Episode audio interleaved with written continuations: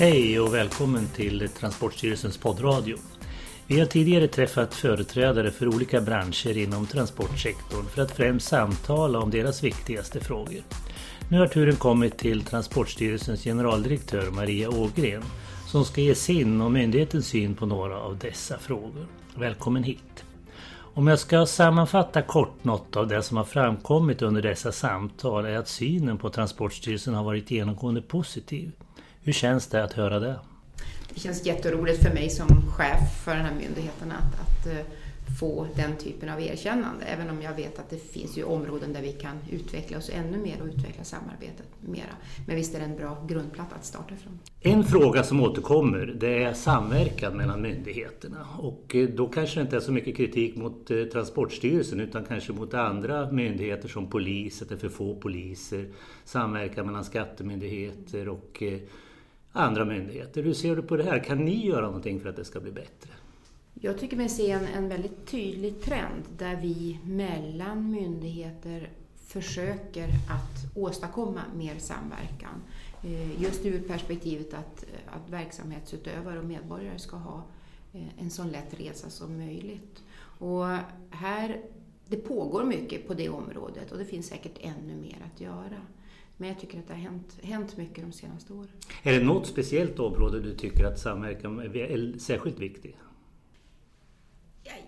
Jag tycker att det är viktigt på flera olika områden. Jag sitter med i en, en mängd olika sammanhang där vi, vi just tittar på hur vi myndigheter på gemensam väg kan utveckla våra, våra tjänster mot samhället. Eh, ett område är till exempel elektroniska tjänster eller e-tjänster som vi säger, eh, där vi är ett drygt tiotal myndigheter som försöker fundera på hur kan vi gemensamt utveckla tjänster för medborgarna. Eh, inom miljömålsområdet jobbar man på ett likartat sätt och det finns fler sammanhang där man kan där det är viktigt att, att hitta utvecklingsområden. Men kan ni göra någonting om man lyssnar till exempel på hur, vad man säger från åkeriföretagen och från Taxiförbundet att det är för få poliser ute, det är inga bra tillsyn, kontrollerna är, man kommer lätt undan och så vidare. Vad kan Transportstyrelsen göra då? Vi kan naturligtvis inte tala om för polisen hur de ska göra sitt jobb men däremot så kan vi genom att ha gemensamma arbetsmöten eh, tillsammans komma överens om vad som är viktigt att göra under vissa perioder och på så sätt eh, tror jag göra riktade insatser på olika områden. Delar du den uppfattningen att det är för få poliser ute på vägarna? Jag har svårt att bedöma det. Eh, om, om det är, jag hör vad som sägs om det men, men eh, jag har svårt att bedöma om, om, om det är på det sättet. Mm. Och det här är någonting som i de här branscherna, företrädarna som har pratat med då, så säger man ju att eh, man skulle vilja ha att tillsynerna ska effektivisera de respektive branscherna. Och från Trafikskolornas eh, riksförbund då säger man att eh, de inte till, gör det idag utan de vill själva ha egen kontroll av sin verksamhet. Vad mm. säger du om det? Det är en annan utvecklingstrend som jag tycker mig kunna se och som vi själva också verkar för. Att att eh, i större utsträckning låta verksamhetsutövare ta ett större ansvar. Eh, vi ser det inom sjöfarten där vi eh, har delegerat till det som kallas klasserna för att man ska kunna gå till dem istället för att gå till, till Transportstyrelsen och göra kontroller.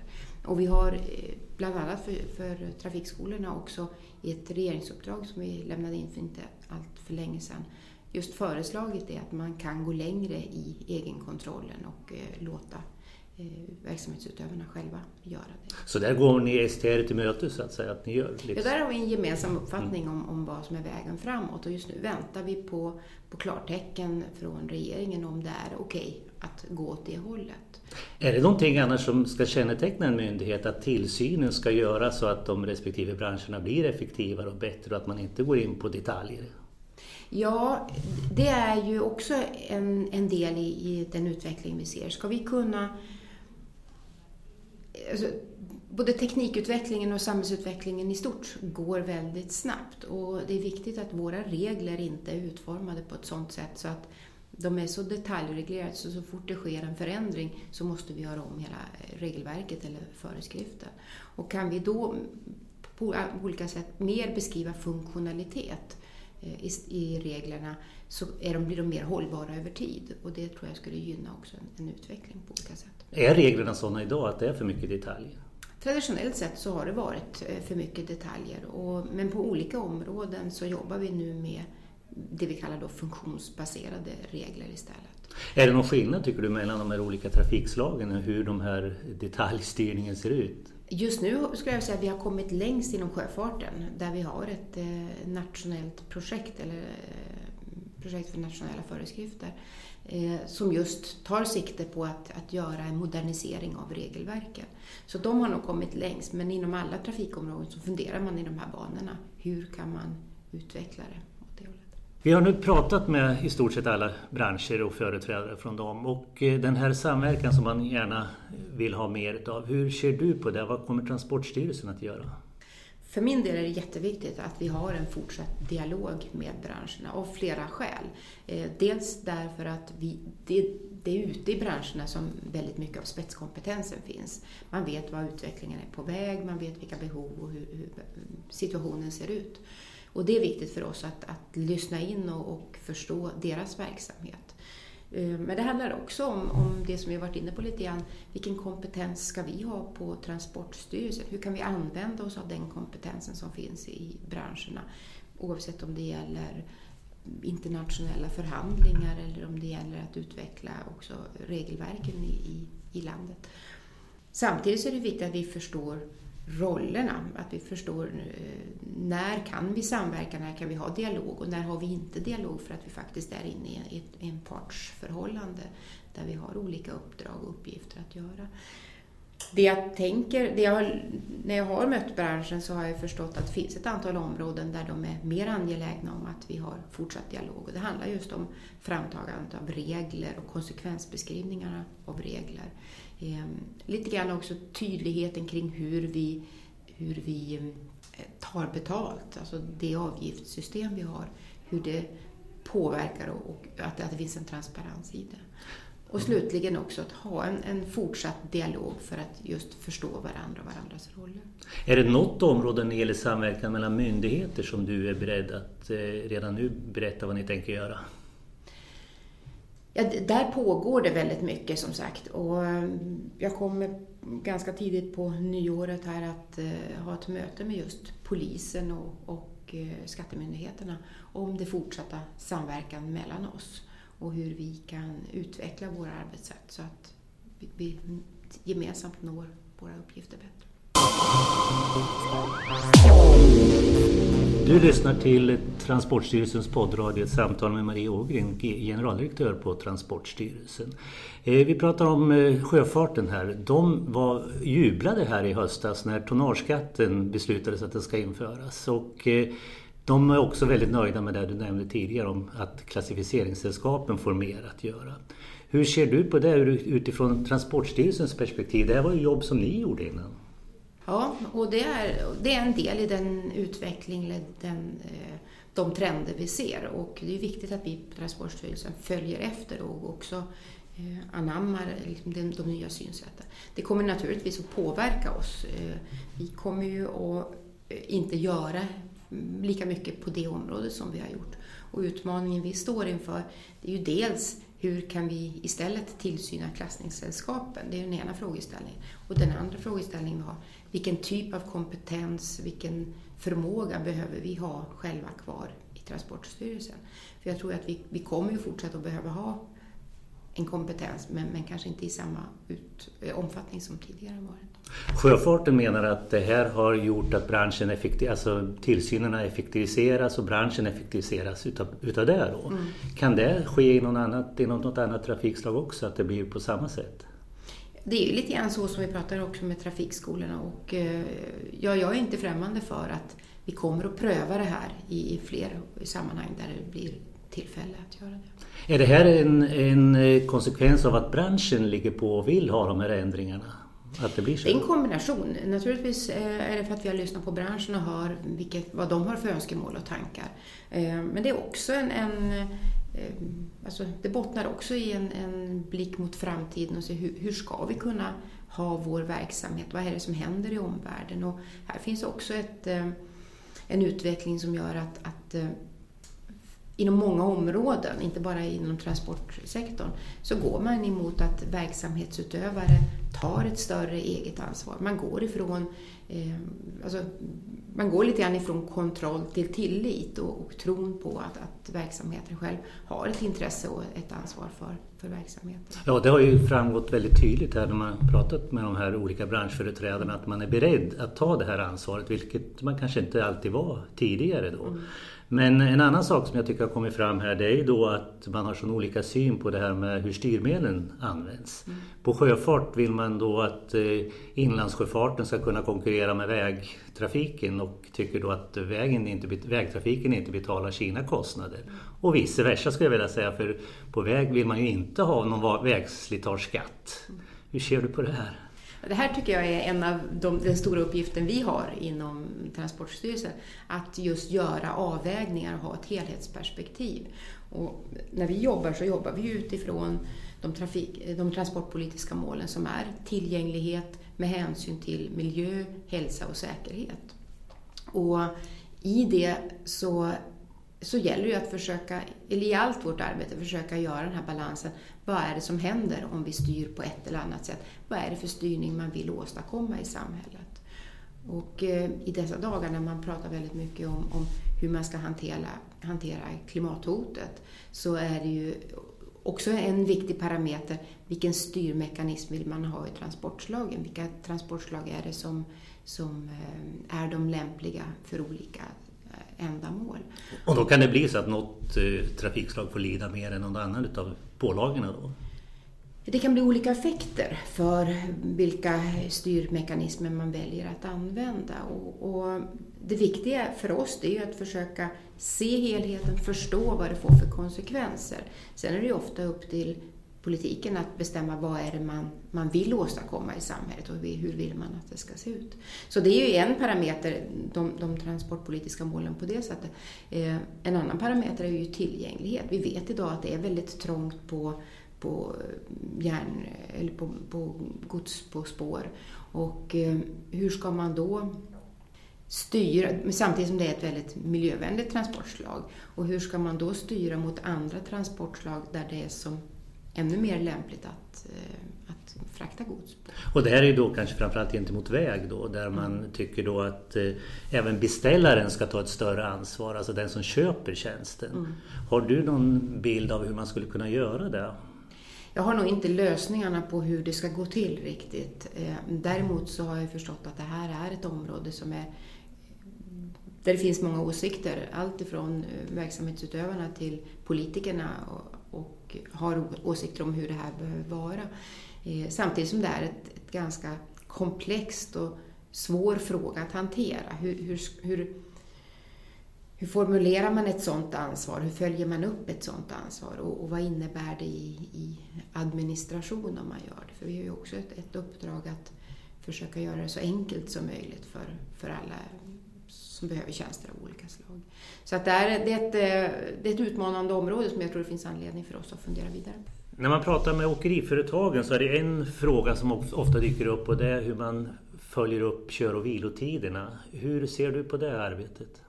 Just kör och vilotiderna är en, en, just nu kontroversiell fråga där det finns många aktörer som har synpunkter på eh, på regelverket som sådant och också hur det tillämpas bland annat av oss. Tycker du att regelverket är krångligt? Det är ett regelverk som baseras på EU-förhandlingar eller EU-direktiv och det är ett, ett ganska detaljstyrt, eller detaljstyrande regelverk som sen då tillämpas i respektive land. Och beroende på vilket system man har i länderna, om man jobbar med böter eller om man jobbar med sanktionsavgifter, så har man också hittat lite olika sätt att, att, eh, att tillämpa regelverket. Och vi gjorde för något år sedan en, en utredning just att jämföra oss med hur man gör i andra länder och kunde konstatera att ja, vi gör olika eh, och i vissa fall så, så har vi kanske varit eh, mer stränga i tillämpningen än vad andra har varit. Och utifrån den utredningen så har vi också har vi också eh, justerat vår tillämpning eh, och anpassat den mer utifrån hur man gör på andra ställen också. Och Vi har också fått ett regeringsuppdrag där vi ska särskilt titta på tillämpningen av regelverket, föreslå om det finns förändringar eller saker man kan göra för att, eh, att undvika mm, effekter som man kanske inte vill åstadkomma. Jag vet att du själv är lite förespråkare för när det gäller sanktionerna att man istället hittar någon slags varningssystem så att man inte får kraftiga sanktioner för kanske en detalj i det här regelverket. Är det, är det, ligger det i den linjen? Det är en sån fråga. För, för oss är det så att om vi ser ett fel enligt regelverket så, så är det en, en bedömning att, att då ska det vara en sanktionsavgift. Skulle man kunna istället, och vi har inte instrumentet varningar, och det är någonting vi funderar på om vi ska be, eller hemställa hos regeringen och, och kunna få ett sådant verktyg. Och det kan man mycket väl vara en fråga som dyker upp just i regeringsuppdraget. För då skulle man kunna ha lite mer stegvis innan man hamnar i ett skarpt läge. Om vi går till Taxi och Taxiförbundet så har man eh, i, deras, eh, i det samtalet som vi hade med dem ett eh, kritik mot nya spelare på marknaden. Jag tänker då framförallt på Uber och deras sätt att köra taxi. Som man från Taxiförbundet menar att de bryter ju mot lagar, det är det de bygger sin verksamhet på. Vad säger du om den typen av kritik, att, vi, att man inte kan hindra det? Det vi ser det är ju en, en samhällsutveckling som, som eh, på ett sätt som vi kanske inte har sett det förut. Där egentligen grunden är tekniken som möjliggör helt nya företeelser. Och det här har vi sett inom musikbranschen, vi ser det inom eh, transportbranschen, vi ser det inom många olika branscher. Jag tror att det är viktigt att följa utvecklingen och se vad är det för, som händer, vad, är det som, vad tror vi om utvecklingen? Och också peka på vad får det för konsekvenser i olika sammanhang. Tittar vi på, på Uber så innehåller den ju flera delar. Den ena delen handlar ju om där det är eh, bilar som kör och där förare har taxilicenser. Och då är det en frågeställning, vad är det för villkor? De jobbar i, ur ett skatteperspektiv till exempel. Mm. Vad har de för, för, för liksom metoder? Så. Sen finns det ju den andra delen av Uber som handlar om att man delar tjänster och då har vi ett annan problematik för då är det förare som inte har taxilicenser som kör. Det, det skulle kunna vara du och jag som kör i det sammanhanget. Och då är det en annan problematik för vad innebär det för säkerhet och för för konkurrenssituationen för, för olika. Det här, det här sker ju då i en bransch som har en väldigt dålig lönsamhet redan och så kommer det in en ny spelare. Är inte mm. risken stor då att vi får ännu mer typ av svarttaxi, vi får undanhållande av skatter och man bryter mot regler bara för att överhuvudtaget kunna överleva? Så är det. Det finns alltid den risken eh, att det är det som händer. Företeelsen eller teknikutvecklingen eller det teknikutvecklingen ger, det går heller inte att säga att så här kan vi inte ha det. För pratar vi om delningsekonomi så är det ju någonting man också ser som en lösning på andra problem.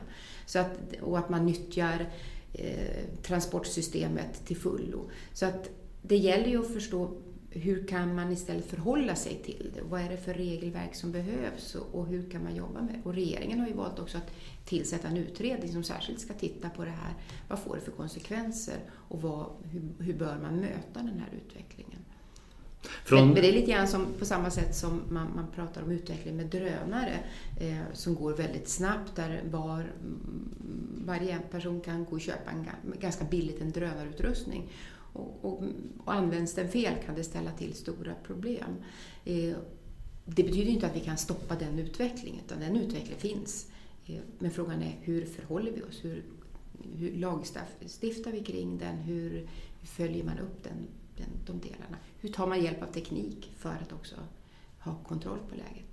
Eh, från Taxiförbundet var det en annan fråga som kom upp också när det gäller kollektivtrafik. Det här med framförallt kanske då i glesbygd, där går tomma bussar och eh, där man istället kanske skulle kunna ha en mindre fordon, en taxi som skulle kunna köra på beställningstrafik och att man vill vara en del av kollektivtrafiken. Hur ser du på det? Är du beredd att jobba för det? Vad jag tänker att vi har en roll på Transportstyrelsen, det är att se, eh, alltså, se flödet mellan de olika trafikslagen. Hur kan man jacka i? Hur kan man gå från, från eh, flyg till tåg till taxi till kollektivtrafik på ett smidigt sätt? Eh, och eh, hur, hur kan vi undanröja hinder som gör att det här inte flödar? Eh, det som du beskriver, ja det kan absolut vara en lösning, tänker jag, eh, bland många olika lösningar att, att titta vidare på. Och jag tror att hela hela samhällssystemet när det gäller transportsektorn behöver tänka nytt. Eh, det har varit ganska mycket silotänkande. Det här är en fråga som har kommit från flera då att man skulle ha lika konkurrensvillkor, eller man ska ha lika konkurrensvillkor inom och mellan trafikslagen. Hur ser du på det? Har vi det idag? Jag tänker att, att prata om konkurrensvillkor är en väldigt svår fråga. För vad är lika konkurrensvillkor? ur vilket avseende menar man det? Ehm, och jag tänker att det kanske är lättare att åstadkomma lika konkurrensvillkor inom trafikslagen eh, än mellan trafikslagen. Och det handlar ju om också vilket, vilken samhällsutveckling vi vill ha. Och vill vi styra mot ett visst beteende, eh, till exempel att vi ska ha mindre trafik, eh, biltrafik inne i städerna, ja, då kan man säga att ja, sätter man trafiktullar eh, för personbilar, då är det ett sätt att undanröja konkurrensvillkoren. Då blir det inte konkurrensneutralt. Men det är ju en styrningsmekanism som man vill åstadkomma. Och det här tror jag gör att det är lite farligt om vi bara eh, resonerar i vad som är konkurrensvill, liksom lika konkurrensvillkor. Utan vi behöver nog se det i ett större sammanhang. Och det är väl kanske naturligt då att man inom väg ser sin del och sjö ser sin del och eh, kanske svårare att se helhetssynen när man sitter i ett av de här rören så att säga. Det är en av svårigheterna och jag tror också att det är en politisk svårighet att välja väg. För mycket handlar ju om vad man politiskt vill åstadkomma och vilka beslut man fattar och hur det påverkar då olika tra transportslag. Eh, om vi tittar till luftfarten så det samtal vi hade med Swedavia som eh, då har en flygplats som där bara det blir fler och fler passagerare. Och så är det inom flyget nu, man är nästan tillbaka på rekordnivåerna. Mm. Och man eh, pratar mycket miljöpåverkan i dessa dagar, framförallt när det gäller koldioxidutsläpp. Flyget har väldigt många fördelar, eh, framförallt när det gäller de långa transporterna. återigen så är det en kombination av olika transportslag. Eh, men man har också stora utmaningar i just utsläpp.